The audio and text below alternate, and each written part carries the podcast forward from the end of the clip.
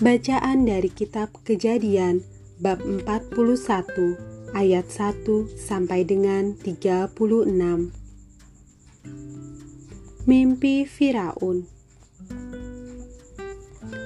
Setelah lewat dua tahun lamanya, bermimpilah Firaun bahwa ia berdiri di tepi sungai Nil Tampaklah dari sungai Nil itu keluar tujuh ekor lembu yang indah bangunnya dan gemuk badannya, lalu memakan rumput yang di tepi sungai itu. Kemudian tampaklah juga tujuh ekor lembu yang lain yang keluar dari dalam sungai Nil itu, buruk bangunnya dan kurus badannya lalu berdiri di samping lembu-lembu yang tadi di tepi sungai itu. Lembu-lembu yang buruk bangunnya dan kurus badannya itu memakan ketujuh ekor lembu yang indah bangunnya dan gemuk itu. Lalu terjagalah Firaun. Setelah itu tertidur pulalah ia dan bermimpi kedua kalinya tampak timbul dari satu tangkai tujuh bulir gandum yang bernas dan baik. Tetapi kemudian tampaklah juga tumbuh tujuh bulir gandum yang kurus dan layu oleh angin timur. Bulir yang kurus itu menelan ketujuh bulir yang bernas dan berisi tadi. Lalu terjagalah Firaun. Agaknya ia bermimpi pada waktu pagi, gelisahlah hatinya. Lalu disuruhnyalah memanggil semua ahli dan semua orang berilmu di Mesir. Firaun menceritakan mimpinya kepada mereka, tetapi seorang pun tidak ada yang dapat mengartikannya kepadanya. Lalu berkatalah kepala juru minuman kepada Firaun, Hari ini aku merasa perlu menyebutkan kesalahanku yang dahulu. Waktu itu tuanku Firaun murka kepada pegawai-pegawainya dan menahan aku dalam rumah pengawal istana beserta dengan kepala juru roti. Pada satu malam juga kami bermimpi. Aku dan kepala juru roti itu Masing-masing mempunyai mimpi dengan artinya sendiri. Bersama-sama dengan kami ada di sana seorang muda Ibrani, hamba kepala pengawal istana itu. Kami menceritakan mimpi kami kepadanya, lalu diartikannya kepada kami mimpi kami masing-masing. Dan seperti yang diartikannya itu kepada kami, demikianlah pula terjadi aku dikembalikan ke dalam pangkatku, dan kepala juru roti itu digantung. Kemudian Firaun menyuruh memanggil Yusuf.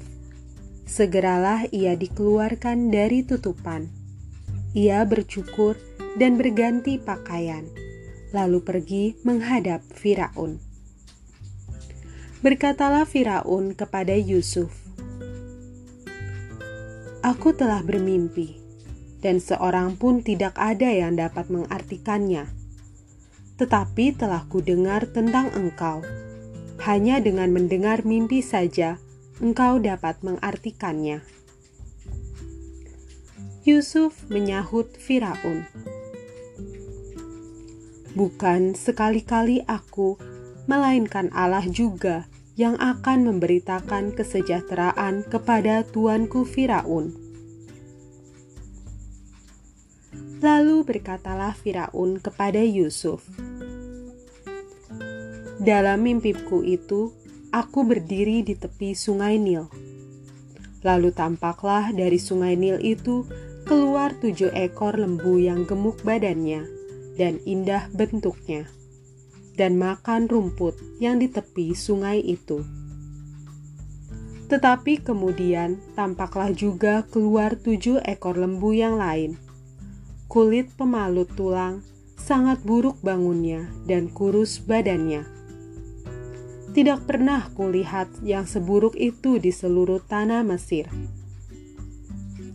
lembu yang kurus dan buruk itu memakan ketujuh ekor lembu gemuk yang mula-mula.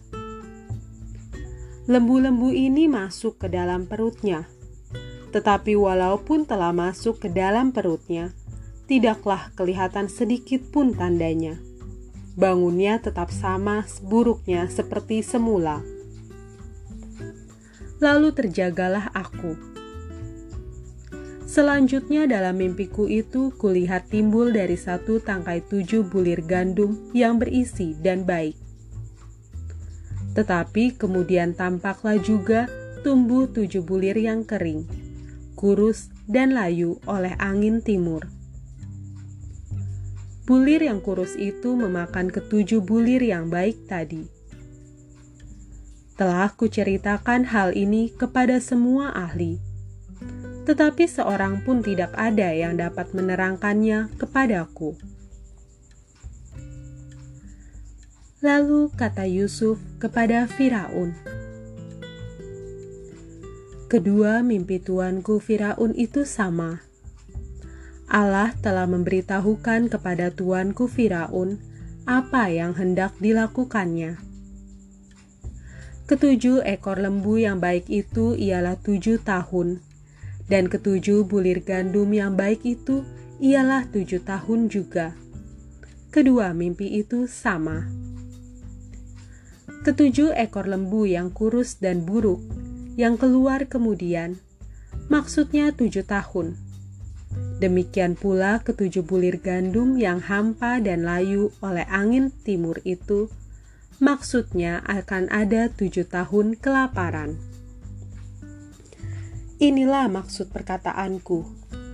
Ketika aku berkata kepada tuanku Firaun, Allah telah memperlihatkan kepada tuanku Firaun apa yang hendak dilakukannya. Ketahuilah tuanku, akan datang tujuh tahun kelimpahan di seluruh tanah Mesir. Kemudian akan timbul tujuh tahun kelaparan maka akan dilupakan segala kelimpahan itu di tanah Mesir, karena kelaparan itu mengurus keringkan negeri ini. Sesudah itu akan tidak kelihatan lagi bekas-bekas kelimpahan di negeri ini karena kelaparan itu, sebab sangat hebatnya kelaparan itu Sampai dua kali mimpi itu diulangi bagi tuanku Firaun berarti hal itu telah ditetapkan oleh Allah dan Allah akan segera melakukannya. Oleh sebab itu, baiklah tuanku Firaun mencari seorang yang berakal budi dan bijaksana dan mengangkatnya menjadi kuasa atas tanah Mesir Baiklah juga tuanku Firaun berbuat begini, yakni menempatkan penilik-penilik atas negeri ini, dan dalam ketujuh tahun kelimpahan itu memungut seperlima dari hasil tanah Mesir.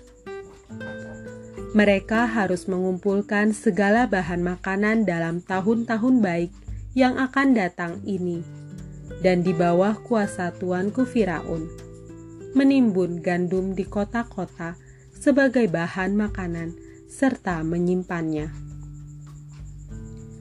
Demikianlah segala bahan makanan itu menjadi persediaan untuk negeri ini dalam ketujuh tahun kelaparan yang akan terjadi di tanah Mesir, supaya negeri ini jangan binasa karena kelaparan itu.